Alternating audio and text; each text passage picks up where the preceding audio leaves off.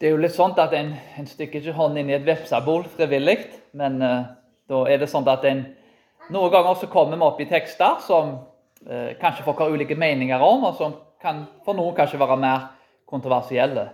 Uh, nå er det en ting som vi har forpliktet oss til som menighet, så er det jo nettopp dette med å forkynne hele Guds råd, og at summen av Guds ord er sannhet. Og det er jo veldig typisk i, hvert fall, i, i den tradisjonen jeg kommer fra, kanskje at når det kom til veldig kontroversielle ting, så inviterte du en gjestetaler og den personen kom svært sjelden igjen. Så jeg, jeg, jeg hadde det i bakhodet. Jeg hadde noen navn på, på, på en blokk der som jeg tenkte kanskje invitere. Så Gjestetaleren kom inn, og han, han forkynner dette. Og så, så, kommer pastoren etterpå og reparerer skadene som den personen har gjort. Så da blir pastoren fremstilt som en, som en helt, faktisk, og ikke som en, en, en forferdelig person. Så det er en effektiv metode å gjøre det på. da. Uh, nå er det heller ikke sånn at jeg har valgt ut denne teksten. Vi kom til denne teksten. og teknisk sett over en veldig lang tidsperiode, mange år, så vil vi forkynne gjennom alle tekstene. Så Det vil være noen tekster som, som, kanskje noen vil ha større problemer med, eller mindre problemer med, avhengig av.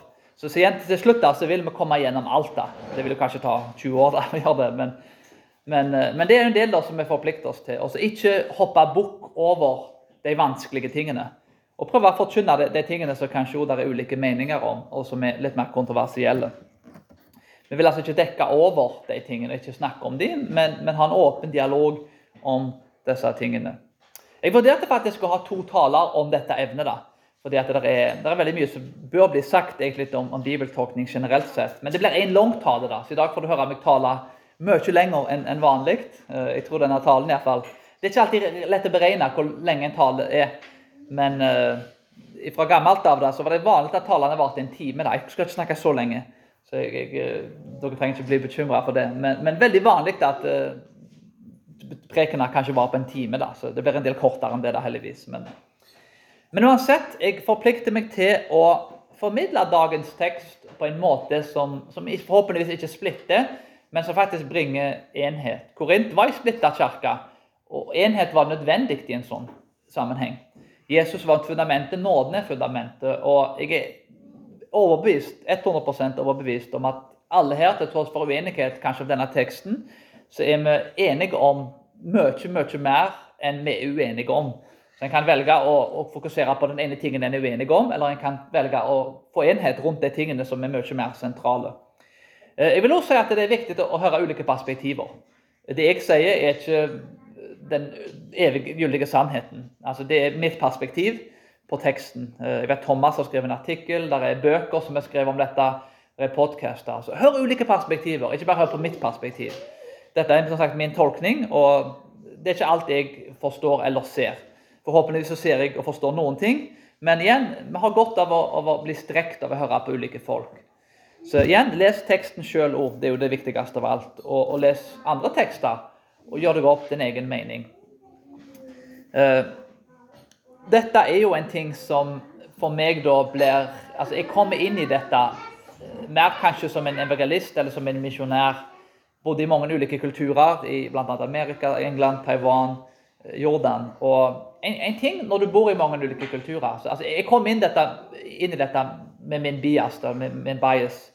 Altså, det, jeg kom inn med mine, mine preferanser, kan du gjerne si. da at eh, mitt mål er som sagt alltid å, å, å, å, gå inn i en kultur og tenke hvordan kan jeg legge fram dette budskapet på en måte som kulturen i større grad vil motta. Eh, det kan være en veldig styrke, men det kan også være en svakhet. En kan av og til noen ganger ende opp med å gå på kompromiss, kanskje med noe som er sant i Bibelen. Og Målet vårt til vårt alle bør jo være å snakke bibelske sannheter i en kultur på en måte så de kan forstå det. Så det handler om å være balansert i disse tingene. Jeg har nok kanskje mer enn tilbøyelighet til å tenke mer som en misjonær. Og igjen, som alt annet, det er en styrke, men òg kan bli en svakhet. Eh, men det, er fra det perspektivet jeg kommer fra. Jeg kan på en måte ikke være noen andre enn den jeg er. Så, så, men jeg vil minst være ærlig om det. da, At jeg kommer fra det perspektivet. Eh, jeg tror derimot at denne teksten i mye større grad egentlig ikke handler så mye om, om klær og, og hva en skal ha på hodet. Jeg tror faktisk i stor grad at det handler om kjønnsforskjeller. Eh, det er noen eksempler fra dagens kultur som viser hvor relevant denne teksten faktisk er. En spansk politiker ble sparka for Twitter for han sier at menn kan ikke føde barn. Halvparten av amerikanske toppolitikere i, i Kongressen og Senatet går imot et forslag som sier at kjønnene er ulike. Så hvis amerikansk politikk sier altså omtrent halvparten av politikerne Hvis du sier at menn kan ikke føde barn, så går de imot det forslaget. Årets kvinne i Amerika var en biologisk mann. Så I dagens kultur så vinner menn både prisene for årets mann og årets kvinne. Det, det er en utrolig ting å tenke på. Jeg, jeg var ikke så lenge siden jeg ble født. men Det var ikke så sånn da jeg vokste opp. da, men det, det, det er en utrolig eh, forandring i kulturen. Ved WHO som da er kanskje mest kjent for å gi oss vaksiner, men er da en, en forskningsinstitusjon som skal være veldig nøyaktige på, på, flere ting. Bruker begrepet 'pregnant people', altså med andre ord gravide folk. Det er ikke gravide kvinner, men gravide folk. Er, du fornærmer veldig mange i dagens kultur hvis du sier at uh, menn ikke kan føde barn. Det er altså bare kvinner som kan føde barn. Så Det er blitt en veldig kontroversiell ting å si i kulturen. og det viser jo egentlig på mange måter hvor relevant denne teksten faktisk er. Og Mildt sagt så kan vel dette sies å være et ganske stort problem. Folk som ikke kan skille mellom kjønnene, de tror jeg kan gjøre feil på ganske mange andre områder i livet òg. Og det er veldig bekymringsverdig at, at samfunnet er blitt sånt. Men problemet som Paulus prøver å løse i teksten, er faktisk nettopp dette med, med kjønnene. Det sentrale i teksten, etter min mening iallfall, er ikke måten en uttrykker altså, utvendig det med klær, men, men, at det er forskjell mellom kjønnene, og at dette må reflekteres i måten en er på, gjennom skapelsen så vel som andre ting. Og Jeg skal forsvare ut ifra teksten at jeg mener at hodeplagg er kulturelt, og, og, og det er jo altså, en, en, en, ting som er gyldig å bruke, men ikke nødvendigvis at det blir obligatorisk for alle kristne. Så på mange måter er dette en, en, enklere ting for meg å gjøre. Å forkynne denne typen budskap. For jeg mener verken at det er rett eller galt å ha på seg et hodeplagg. Det er noe som, Hvis en er overbevist om det, så må en følge samvittigheten sin. Luther sa jo at det å gå imot sin egen samvittighet er en forferdelig ting. så jeg må kanskje overraske over å høre det, men jeg vil faktisk oppmuntre folk til Hvis de har den overbevisningen, så, så bør de følge den. For å leve i strid med sin egen samvittighet er noe av det verste du kan gjøre. Og De gangene jeg har gjort det, så har jeg hatt det forferdelig med meg sjøl innvendig. Så Følg din egen samvittighet, følg din egen overbevisning, samme hva det er. Og igjen, Dette er ikke et sentralt spørsmål i Bibelen. Dette med kjønn, da, at det er to kjønn, og at menn ikke kan føde barn, det er sentralt. Det er veldig sentralt. Men i Bibelen så handler det jo om at det er mange kategorier av typer spørsmål. Der er Jesus Gud. Hvis du ikke tror det, så er du altså ikke en kristen. Hvis du mener at kanskje barn bør døpes, voksne bør døpes, det går innenfor min andre kategori. Et, kanskje et spørsmål som påvirker hvordan kirka blir. Men det er ikke et sentralt spørsmål. Altså, du kan være en god kristen og være uenig med mitt dåpssyn. Du kan være en mye bedre kristen enn meg og være veldig uenig med mitt dåpssyn. Og folk med ulike dåpssyn kan fint jobbe i lag om ting. Altså, jeg, jeg kommer ikke til å jobbe i lag altså, i forhold til kristen sammenheng med noen som ikke tror at Jesus er Gud. Men jeg kan fint jobbe i lag med folk og respektere folk som har et annet dåpssyn. Eh, tredje kategori så har du er nådegavene fortsatt fungerende i dagens kultur. Og da Mitt svar på det er jo da at eh, det, altså, det er en kategori som i stor grad tilsier at dette er ikke så viktig. Det er et viktig spørsmål på en måte, men på en annen måte så kan en ha uenigheter rundt disse tingene uten at det er spesielt problematisk. Og dette med, med det med klær, da, hodeplagg, går inn for meg i den tredje kategorien. Det, er, det er verken nummer én eller nummer to, men faktisk nummer tre. Så dette er ting som vi kan ha ulike syn på uten at det blir splitt oss. Eh, men det er flere prinsipper her. og igjen, Jeg skal gå inn i teksten etter hvert, men jeg vil bare gå gjennom dette med bibeltolkning og den type ting. Jeg kunne gjort dette om til to prekener, som sagt, men jeg velger da å, gjøre det i én. Sånn at vi får litt oversikt over i hvert fall ting, ting, sånn at en, en, kanskje kan bli faktisk mer forente som et resultat av det. Forstå hvorfor folk kommer til ulike konklusjoner. Men bibeltolkning er ikke alltid enkelt. Det er noen ting i Bibelen som er krystallklart. Det er andre ting som etter min mening ikke er så klart. Og Det er noen prinsipper for D.A. Carson som, som, han bruker, som kan være nyttige for oss å praktisere. Det første er at En skal ikke gjøre absolutt det som blir sagt én gang i Bibelen. Nummer to granske forsiktig hva som er meningen bak et argument. Hvorfor ble dette argumentert, og hva er meningen? Hva ønsker Paulus eller andre forfattere å oppnå med den typen argumentasjon? Nummer tre, husk at vi er subjektive, kulturelt betinget og ikke nøytrale. Og vi leser Bibelen med våre briller. Og Dermed så har en tilbøyeligheter til å tolke Bibelen på en viss måte. Eh, jeg vil jo si sånn, Generelt sett i norsk kultur så er nok alle vi som sitter her, tolker nok kanskje Bibelen på en måte som er veldig kanskje i strid med, med flertallet. Og det er pga. at en, en, har fått norske briller som, som, gjør at en tolker det på en viss måte. Eh, så vi har alle briller med oss når vi tolker Bibelen. Nummer fire vi ønsker å være balanserte i tolkningen av og lesningen av Skriften. Hvis jeg vil bekjent for én ting, jeg blir ikke bli kjent for noen ting, men, men hvis noen tenker på meg, i hvert fall, så håper jeg i hvert fall, er at folk vil si at han prøver å være balansert i måten han ser Bibelen på. Det, det er iallfall en ting som jeg ønsker å oppnå personlig. Det er ikke sikkert jeg klarer å oppnå det i praksis, men, men jeg ønsker iallfall å et forsøk der. Uh, der er jo andre eksempler. Så, så disse eksemplene nevner jeg, sånn at vi, vi, går inn i dette med et ydmykt hjerte med bibeltolkning. Det er mange ting i Bibelen som, som gjør det Det er ikke så krystallklart alltid hvordan ting blir overført til en annen kultur. I 1. Korinterbrev 14 så vel som 1. Korinterbrev 11 så er, er, det to ting som blir sagt. Kvinner må tie i menigheten, og kvinner kan tale profetisk i menigheten. De to tingene er motstridende. Hvordan løser en den konflikten? Her har du to ting som, som står imot hverandre.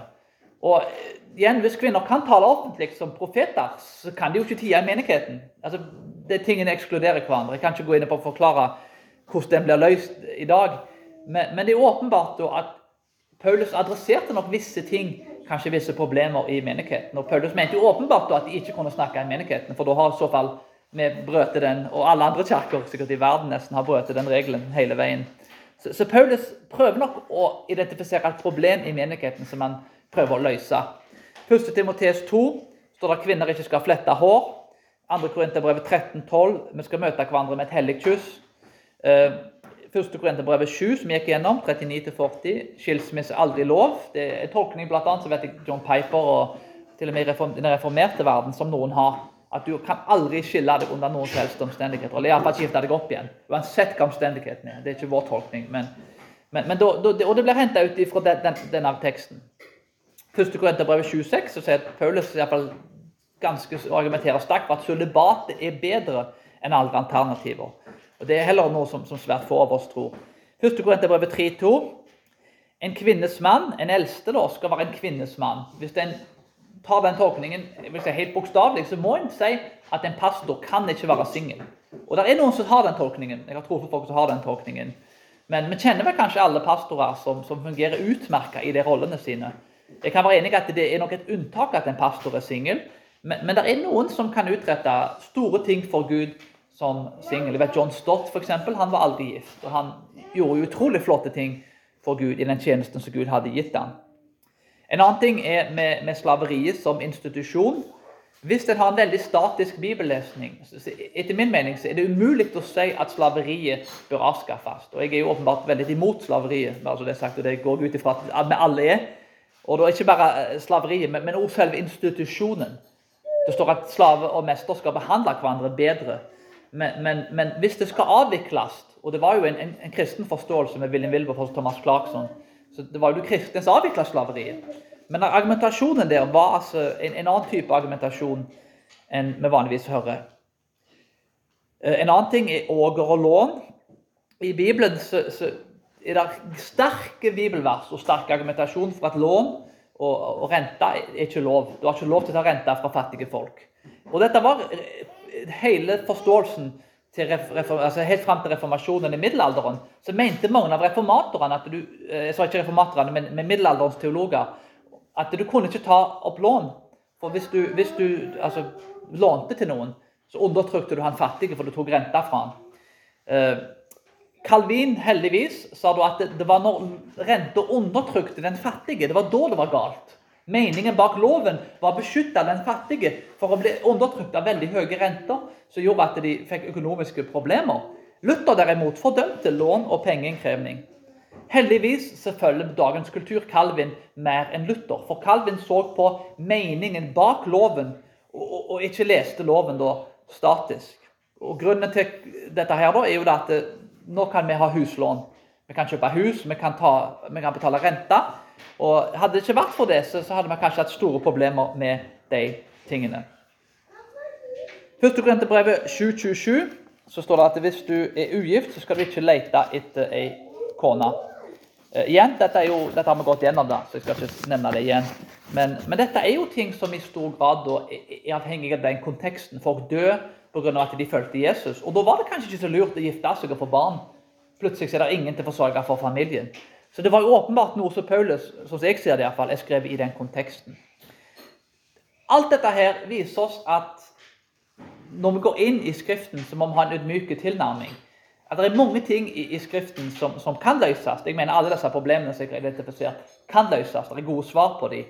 Men, men, la oss gå inn i Skriften med, med en ydmykhet når vi tolker dette. At uh, det er ikke alltid krystallklart hvordan alle ting bør anvendes inn i en helt annen kultur, og kanskje 2000 år senere.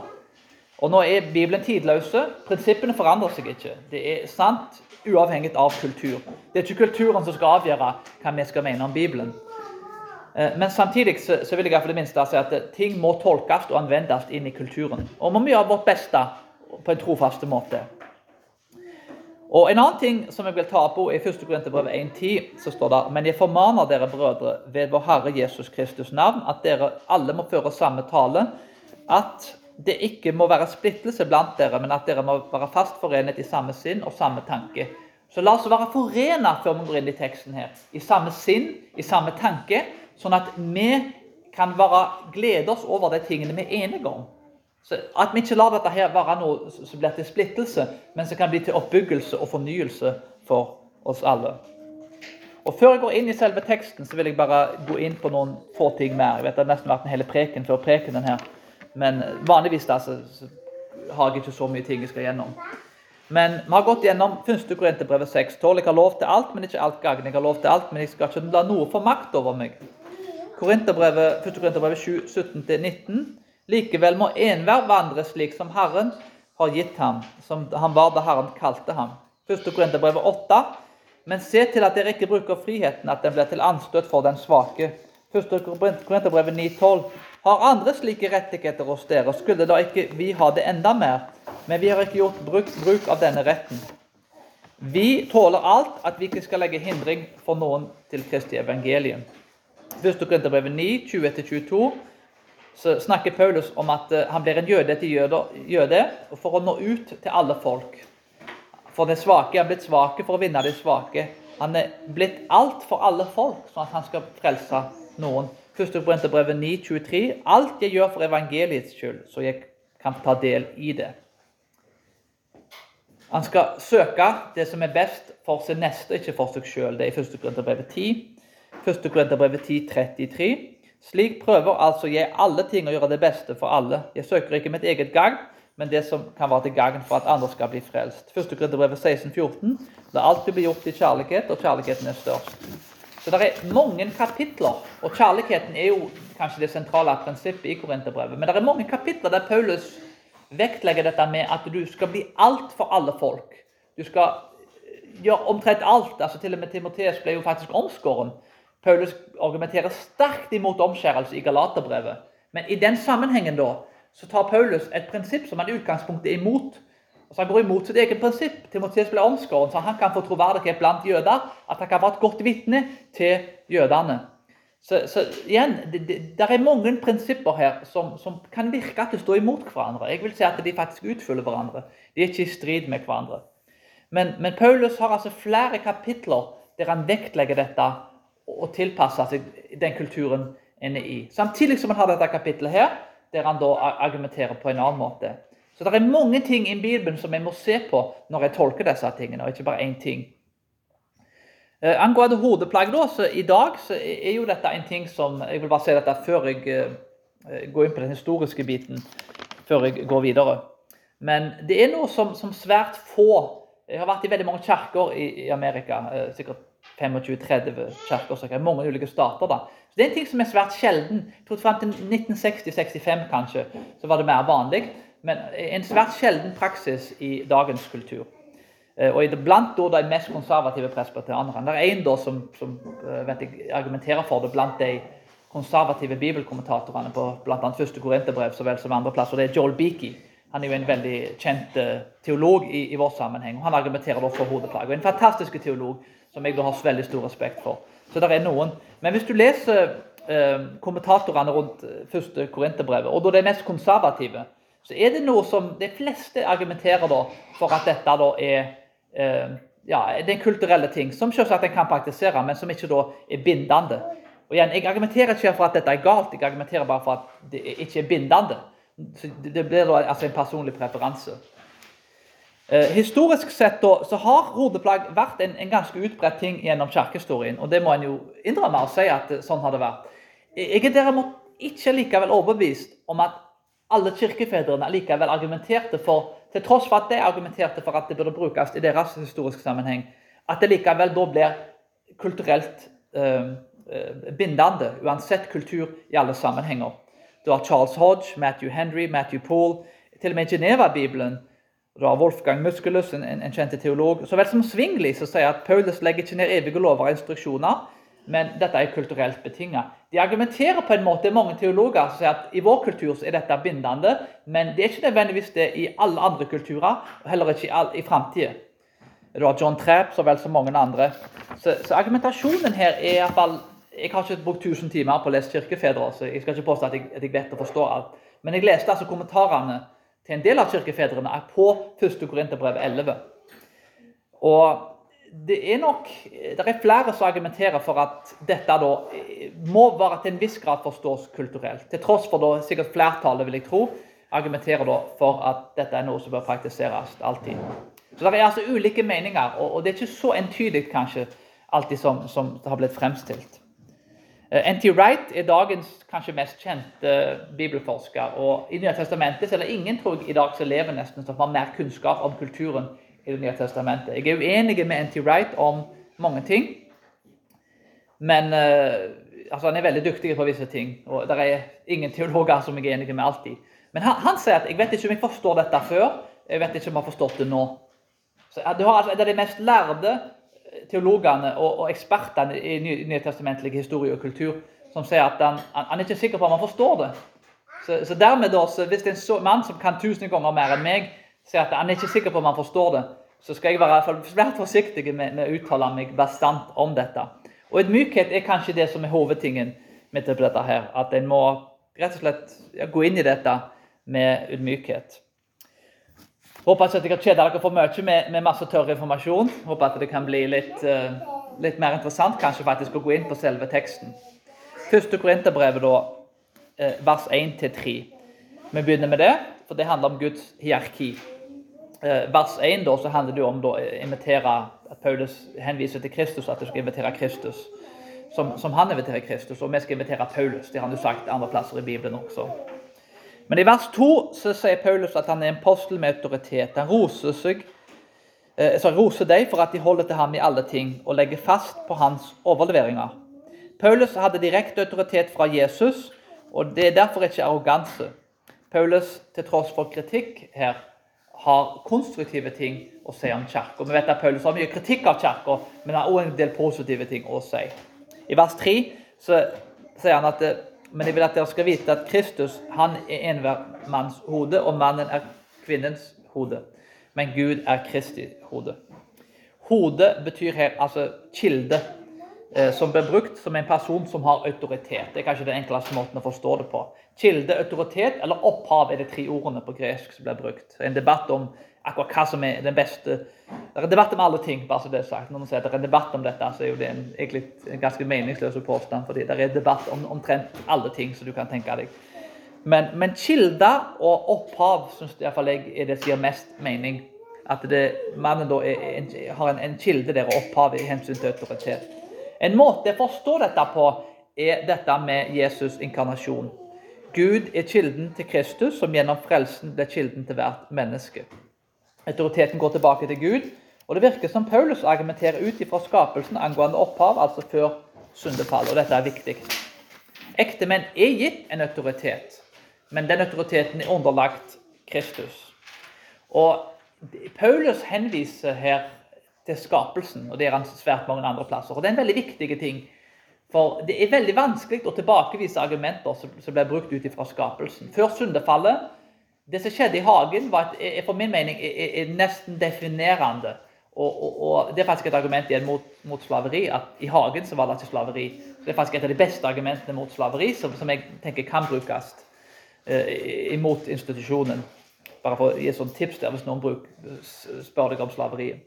Eh, skapelsen og tilstanden før syndefallet er definerende. Og det som skjedde der, eh, blir en usundig tilværelse. Og det er det Jesus kommer til å gjenopprette oss til. Så det som skjer i hagen, og når Paulus argumenterer ut fra skapelsen og skaperordenen, så er det svært vanskelig å si at sånn Vi liker ikke det. Du er nødt til, til å følge disse tingene. Likt det da med, med sabbaten, bl.a. Det er veldig vanskelig å argumentere mot den pga. at det er en del, faktisk, en del av skapelsen, en del av naturlovene til Gud. Og Vi ser altså her at det er tydelige forskjeller på kjønnene, og at det er ulike roller, og at dette her da er at en utfyller hverandre på et viktig vis. Og Når Paulus går tilbake til skapelsen, her, så kan en ikke tilbakevise dette så lett. En anvendelse her er jo da, i lys av det, Paulus sier her, er at kristen, hos kristne da, er Jesus den endelige autoriteten. Men har blitt gitt et lederskap. Men, men lederskapet er det tjenende lederskap. En, en, en, er blitt gitt autoritet, men samtidig så skal den autoriteten forvaltes på en bibelsk måte. En skal dø for kona som Kristus døde for kirka. Altså, en skal være en tjener som Jesus var en tjener. Gud er den største. Han verste føttene til disiplene, og han, han, han stekte mat til dem. Derimot så, så, så, er mannen en tjenende leder. Han, han, skal være en tjener samtidig som han skal være en leder. Så, så Bibelen som dere har nevnt før, går verken til venstre eller høyre her. Eh, konservativ, liberal han, han, han, beholder den ideen om at mannen er en leder, men han, forandrer lederskapet til å bli noe helt annet. For så er det veldig enkelt, da, Jeg er veldig glad for at vi ikke har statsherskere, men at vi har statsministre. En statsminister betyr bokstavelig talt en statstjener, og det ordet henter rett ut fra Bibelen. Og I Norge så har vi et lang tradisjon at våre ledere og politiske ledere er tjenere. Det er veldig fint å ha tjenere og ikke folk som plyndrer oss. Det er plenty av eksempler på det i verden der de politiske lederne er herskere. I familien er det likt. Eh, hvis mannen er en leder, så er han også samtidig en tjener. Og det er en bra ting, og det er en bibelske ting. Men uansett her, Jeg kan ikke gå for mye inn på dette med tanke på at jeg vil gå for langt tid for teksten. Det betyr uansett at opphavet, kilden til autoritet, og ikke er mannen, men det er Gud gjennom sitt ord. Mannen har jo åpenbart kun autoritet så lenge han styrer konsekvent med det som står i Skriften. Og igjen, eh, Jeg kan ikke gå inn på i detaljer akkurat hvordan dette vil se ut. altså Denne teksten eh, handler vel i større grad om å identifisere kjønnsforskjeller. Og Det bringer oss til det, til det andre punktet. Menn som utildekket og kvinner som tildekket. Det er vers 4-10. En mann som tilber og, og, og tildekker sitt hode, fører skam over det. Og Dette er kanskje en ting som er kanskje litt forvirrende. Det er lite informasjon hvorfor Paulus skriver om dette i sin kulturelle sammenheng. Det virker derimot sannsynligvis at menn i romersk kultur i noen sammenhenger tok av på hodet når de tilba. I den kulturen så virker det som at du viste underordning til guddommer når mannen tok av på hodet. At du viste at du hadde ærbørighet overfor Gud hvis du tok av deg på hodet. Eh, så det var en, altså en, en kulturell ting som, som ga mening for folk. For å vise underordnelse til Kristus så måtte en altså ta av på hodet. Og Romerne ville se på dette som en bra ting.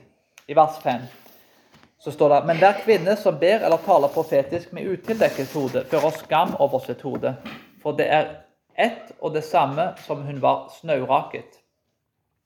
Vi vet altså ikke alt om den kulturelle konteksten her. og jeg skal være forsiktig med, med å Av og til kan den kulturelle konteksten bli at en ikke har alltid 100 nøyaktig informasjon, og så tolker Bibelen i lys av ting som ikke da en kan ikke vite helt sikkert. Jeg ser ikke dette med, skråsikkerhet på noe som vis.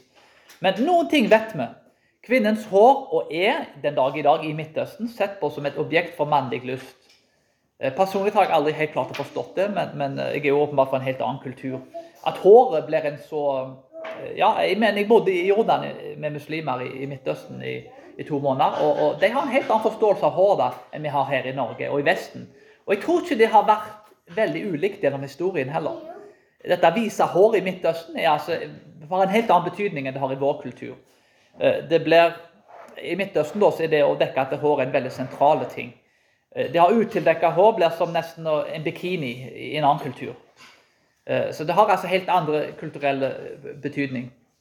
Eh, jødiske kvinner dekker til håret i synagogen, mens kvinner fra øvre klasse da hadde svært ofte veldig vakre hårfrisyrer. Mye penger. De hadde råd til å kjøpe dyre frisyrer.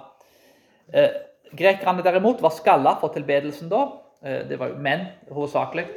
Eh, mens romerne dekka da til hodet. Så, så det var ulike tradisjoner her. Men en av grunnene da til at det ble argumentert på denne måten her, er at tempelprostituerte, da, så det var veldig mange av i denne byen, i Korint, ofte ikke hadde hår. De var ofte skalla. Hvis en da hadde et utildekka hår, så ble en, altså, tiltrekker en seg svært ofte uh, uh, altså menn da, på en måte, som vil kjøpe prostituerte.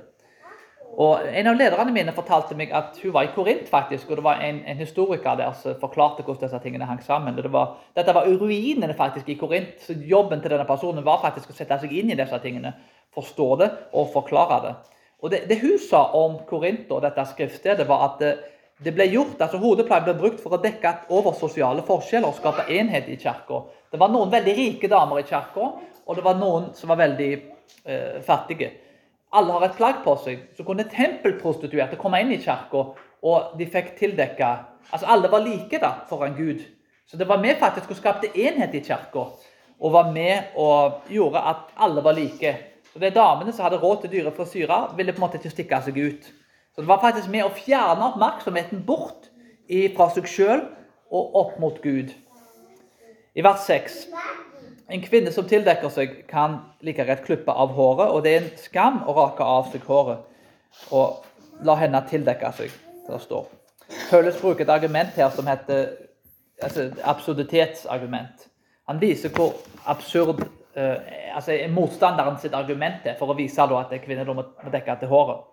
En kvinne påfølte seg skam da, når hun hadde da kappa av håret og så ut som en mann. Poenget til Paulus her, som jeg ser det, er jo at menn og kvinner er ulike. Altså, og, det er jo noe med dette her at uh, hvis en kler seg altså I den kulturen så hadde, altså I Midtøsten så, er det veldig vanlig at kvinner har langt hår. Uh, men, men, det er ikke nødvendigvis sånn i alle kulturer. I afrikanske kulturer blant annet, så er det veldig vanlig at kvinner da, som ser ut som kvinner, kanskje, er kanskje skalla.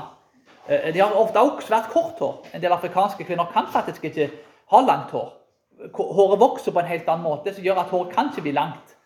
Så, så, så Poenget til Paulus er jo hovedsakelig å kommunisere til en viss grad at hår, altså en, en, må se ut som det kjønn en faktisk er. Og I denne kulturen da, så er dette med langt hår og kort hår to måter å gjøre dette på. Eh, Romerriket handler om underordning. Et godt vitnesbyrd i Romerriket Romerne var veldig tolerante, faktisk. Mye mer tolerante kanskje enn til og med i dag på mange vis. Eh, men én ting romerne ikke tålte, var opprør.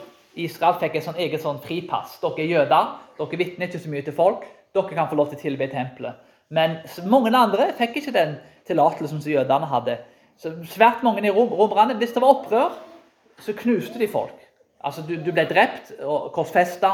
Og romerne de torturerte deg hvis de fikk et snus om at du ville gjøre opprør. Så dette med underordning var et utrolig godt vitnesbyrd i den romerske kulturen. Det vekket ikke anstøt å underordne seg med det fremme evangeliet. Kvinner kunne ha plagg, og dette utjevna sosiale forskjeller og var i tråd med kulturell praksis. Og Da så jeg nå at det var tydelig forskjell på kjønnene. En annen ting med Romerriket, det er en bok som heter 'Shame and Sin', som er en fantastisk bok som jeg holder på å lese nå. faktisk. Litt, litt halvakademisk bok, der, så det går seint for meg å lese den, men hun, hun, er veldig solide. Og, og dette er en utrolig ting om Romerriket det, det at I Romerriket så, så, var det ikke et skille mellom kjønn, sånn som vi tenker på det i dag. Når det kom til seksualitet, så var det den med makt og den med uten makt. Det var den disteksjonen de hadde. Så I Romerriket så hadde det liten betydning hva kjønn du hadde. Altså Seksualiteten ble praktisert ikke mot det ulike kjønnet, men det ble praktisert mot folk som hadde lavere sosial status. Så Det handler om den sosiale statusen, den du da hadde samleie sammen med. Det er en, en, tanke som er vanskelig å forstå for meg. Men, men, men i Romerriket var hierarkiet var, var, omtrent alt. Så Paulus går imot kulturen, faktisk. Og han sier at det er kjønnet som er definerende eh, hvordan seksualitet og, og hvordan dette tingene skal uttrykkes. Og det er faktisk en total omveltning. Altså, der alt blir forstått ut ifra hvem som har makt, til ut ifra hva kjønn du er. Og i Romerriket så, så vi tenker kanskje sånn, ja, det var, det var annerledes da, alle var tradisjonelle da. Men, men, det var ikke sånt. Det var absolutt ikke sånn i det hele tatt. Mange av de tingene vi ser i dagens kultur, var det mer av i Romerriket enn det er i Norge i dag.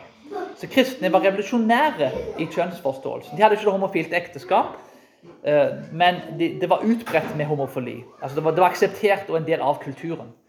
Eh, grunnen til at ekteskapet var monogamt, altså det var ikke monogamt i praksis, var pga. at ungene dine var pensjonen din. Eh, og de måtte jo da ha barn for å, for å overleve. Men det var egentlig litt mer praktiske grunner. Det var, det var, den praktiske årsaken som styrte dette. Vi derimot lever i en kultur som er motsatt av den romerske kulturen. Eh, hodeplagg i dag jo, har helt andre assosiasjoner etter hvilken gruppe du, du, er med. Noen vil nok kanskje tolke det som, som en form for underordning, men, mens andre vil komme med helt andre tolkninger av det. Det har en helt annen betydning i dagens kultur. Og det fungerer vel kanskje på mange måter ganske, ganske motsatt av det Paulus argumenterte for. I Gordon Fee, som er den største kommentatoren i første Korinterbrevet, mener at hodeplagg i dagens kultur virker altså Når du ser på meningen bak det Paulus sier, så virker det veldig motsatt av det Paulus argumenterte for. Pga. kulturen og konteksten var veldig annerledes. Så spørsmålet her bør bli da hvem vil jeg nå ut til? Noen vil se på dette med hodeplagg som en veldig bra ting. Noen vil se på det at eh, kanskje mer folk som, som, hører på visse typer taler, visse typer podcaster, og, og, ja, kanskje også folk fra, kanskje andre kulturer, vil tenke at de vil kanskje forstå den, den kulturelle betydningen. Så, så, I utgangspunktet så, er det ikke noe som er galt eller rett, men det handler kanskje mer om hva målgruppa du vil nå ut til. I mange, jeg vil derimot si at i store deler av den norske befolkningen da, vil kanskje se på et hodeplagg som uh, noe de kanskje ikke helt forstår. Noe som kan være vanskelig å forstå. Så jeg tror i stor grad at det handler om hvem du vil nå ut til i landet. Noen grupper vil, vil se på det som en, en flott ting, en ærbørighet foran Gud. Og, og, dette er noe som er bra. Mens andre vil se på det da som, som de ikke helt klarer kanskje å identifisere og forstå. Så det handler i stor grad da om, om hvem en vil nå ut til. I vers 7 en mann bør ikke dekke til hodet, for han er Guds bilde og ære, men kvinnen er mannens ære. Det er mulig at kvinnen ikke dekker til hodet for å fjerne fokus da, fra seg sjøl og mot Gud. En blir mer fokusert på Gud når det menneskelige da blir fjerna. Mannen er skapt i likhet med kvinnen da, til Guds ære og skal reflektere Guds ære vers 8-9. For mannen er ikke av kvinnen, men kvinnen av mannen. Heller ikke ble mannen skapt for kvinnens skyld, men kvinnen for mannens skyld. Derfor bør kvinnen ha et undergivenhetstegn på sitt hode for englenes skyld. Menn og kvinner er åpenbart ulike og ulike roller, til tross for vi er likeverdige. Og vi går tilbake til skapelsen. Og Vi må kanskje si litt om disse tingene, til tross for det ikke det egentlig som jeg må gå inn på. Men uh, Gud er jo da altså Dette ordet med bruk, vår hjelper ble brukt. Uh, men det var en hjelper. altså Det står i Bibelen at Gud er vår hjelper. Gud er vår hjelper, men Gud er jo ikke under vår autoritet. Gud har autoritet over oss samtidig som han er vår hjelper. Så det, det, det argumentet her for underordnet seg ut ifra dette ordet at en kvinne var skapt som en hjelper, er egentlig et argument som jeg syns personlig er veldig godt, da, med tanke på at eh, Gud igjen er, ble brukt og beskrevet som hjelperen til mennesket.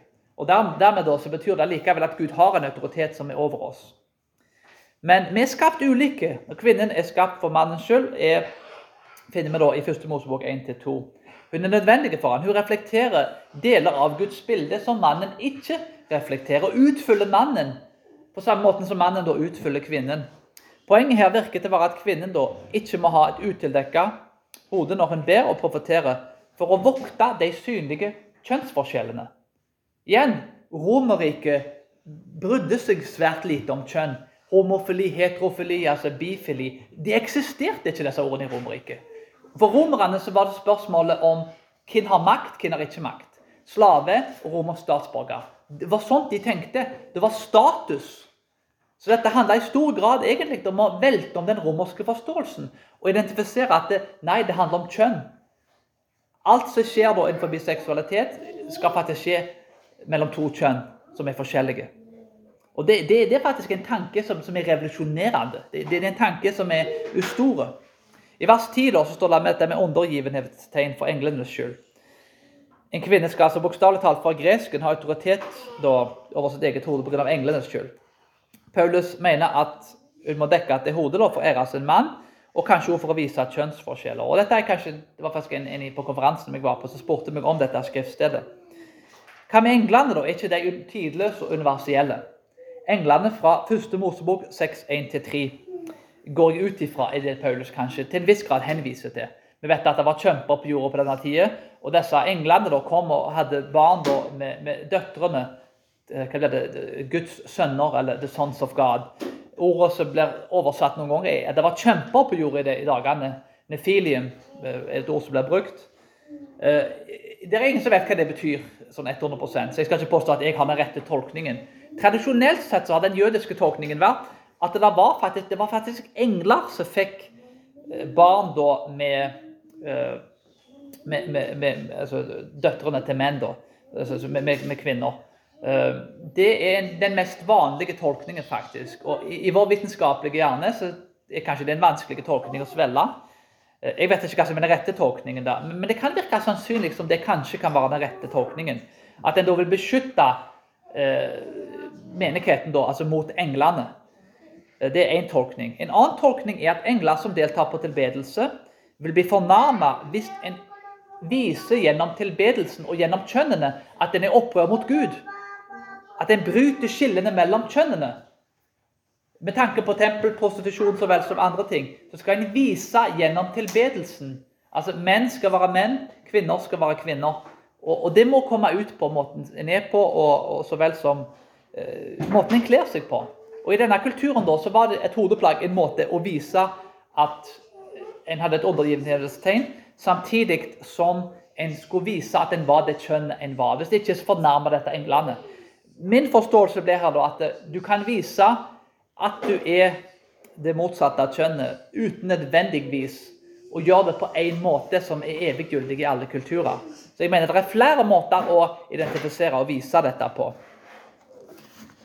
En skal altså skille mellom kjønnene og ikke vekke anstøt i den kulturen der det er sentralt. Men i dagens kultur, da, når disse tingene blir forstått veldig ulikt, så vil jeg si at det prinsippet fortsetter. Og Jeg tror det er engler som er over alle menigheter, som står i åpenbaringsboken.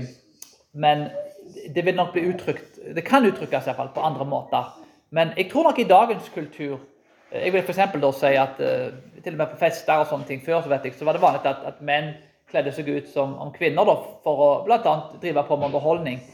Og jeg vil si at det, det er noen ting som en bør unngå i dag. Og en bør òg tenke gjennom måten en kler seg på, både i menighet og utenfor, sånn at en viser at en er det kjønnet en er. Det tror jeg er en sentral ting. Måten en gjør dette på, derimot Jeg vet ikke om jeg har alle svarene på hvordan det bør praktiseres.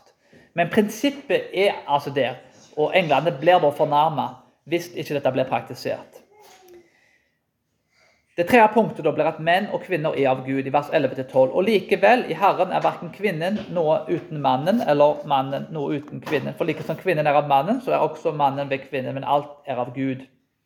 Menn og kvinner er verdifulle, og kvinner blir tatt av mannen, mens menn da blir født av kvinner. Begge er skapt i Guds bilde.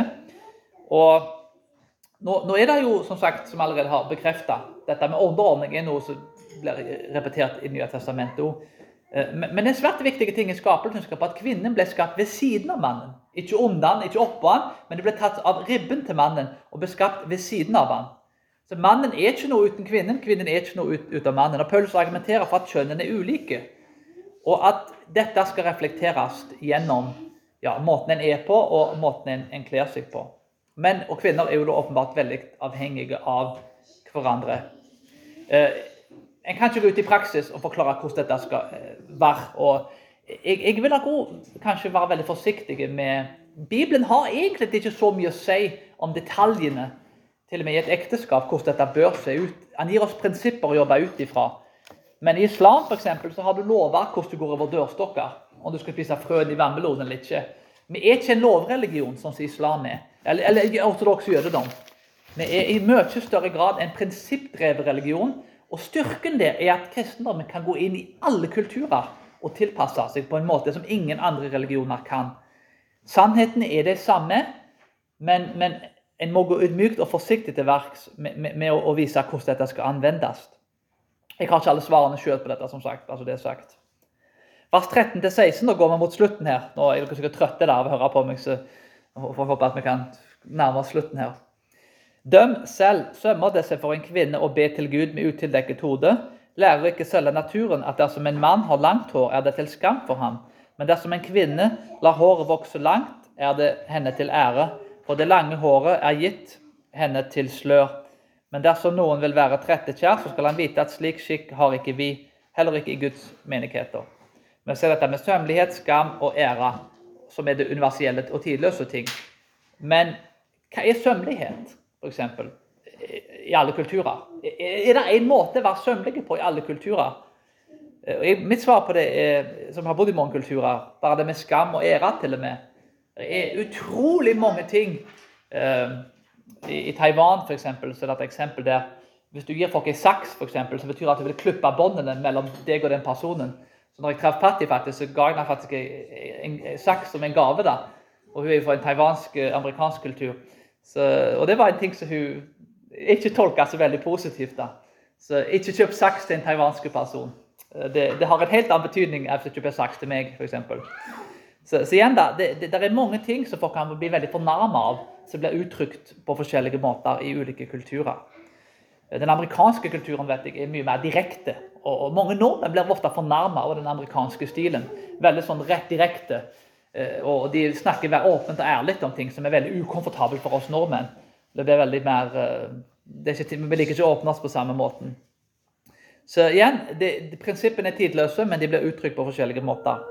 I Romerriket så, så, var dette med langt hår. Det ble ikke sett på noe som, som en bra ting. Eh, og kort hår for kvinner hadde samme betydningen. Og igjen, Vi ser akkurat det samme faktisk i, i islamske kulturer i dag. Bør da en mann alltid ha kort hår og en kvinne ha langt hår? Og hva med skjegg, f.eks.? I asiatiske land en kommentar jeg alltid fikk, var som skjegg, alltid skjegget mitt. liksom, og For mange kan ikke vokse skjegg i, i, i, asiatiske land. så De, de har faktisk ikke uh, har ikke på huden at de, de, Av en eller annen grunn der, så, så gror det ikke alltid skjegg. Uh, vi husker jo fra 'Ringenes herre'-filmene de tøffeste krigerne er menn med langt hår. ikke sant? Aragorn, Legolas, Gimli. Det er krigerne som er tøffest. Og i vikingkulturene Jeg vet ikke om det var så sånn på, i virkeligheten, men, men, til en viss grad i hvert fall, så, så er alltid vikingene fremstilt med langt hår. Og det er som regel de råeste krigerne, de mest mandige folkene, som har det lengste håret. Uh, hvis du ser på museer til og med på, på Karmøy, så, så, har de langt hår, vikingene fra museet til og med. Så jeg går ut ifra at det da stemmer historisk. Så at en mann skal ha langt hår eh, altså, Til og med det er et prinsipp som forandrer seg veldig i stor grad. I mange kulturer så hadde en mann med langt hår sett på som noe veldig maskulint og noe veldig fint. Vikingene var veldig på dette med greia skjegg og hår og hadde kammer og alle greier, som i dagens kultur vil bli tolka som noe veldig feminint. Så til og med disse tingene i vår kultur har blitt sett på som ulikt. Så Paulus et eksempel er nødt til å være dette med at det er ulike kjønn og det er en skaperorden som vi må forholde oss til. Men, men, men, vi må være forsiktige kanskje med å se hvordan dette skal bli uttrykt for alle da, til alle tider og i alle sammenhenger. Og Dermed er det en åpenhet for at folk kan tolke ting ulikt her. Vi kan ikke tolke det ulikt at det er forskjell på kjønnene. Det er universelt og tidløst. Men vi kan tolke det ulikt hvordan det blir gjort. Og Med det så tror jeg at vi faktisk skal gå mot en slutt her. Nå er dere sikkert som sagt trøtte da, etter, en, etter en ganske lang preken her. Men det viktigste med dette brevet her, er ikke hvordan en velger å uttrykke disse forskjellene. Vi er alle skapt i Guds bilde, både menn og kvinner. Og Jesus døde for oss alle. Kristus døde for oss i kirka. Og han vil restaurere kjønnsforskjeller. Han vil restaurere forholdene vi har til det motsatte kjønn. Han vil restaurere alle forholdene med det verket som han gjorde på korset. Han gjenoppretter kjønnsforskjellene med å reversere forholdet som ble brutt med syndefallet i Edens hage. Og Det er derfor svært sentralt at hva enn vi gjør, om vi spiser eller drikker, som det står i 1. Korinterbrevet 10, så gjør vi det til Guds ære. Og med det kjønnet vi har fått, med den vi er, det viktigste er at vi ærer Gud. Og at vi gjør det på en måte som reflekterer at det er forskjell på kjønnene, men òg det verket som Kristus har gjort på korset. Og det korset sitt verk er et kors som handler om enhet. Om jeg skulle være totalt uenige med det jeg har sagt, så er det egentlig alt i alt ubetydelig med tanke på at det er sentrale bibelske spørsmål som vi kan bli forente om. Så vi kan tenke ulikt om mange ting, men vi er alle enige at Jesus døde for oss, og at vi må gå ut og leve for ham. La oss be.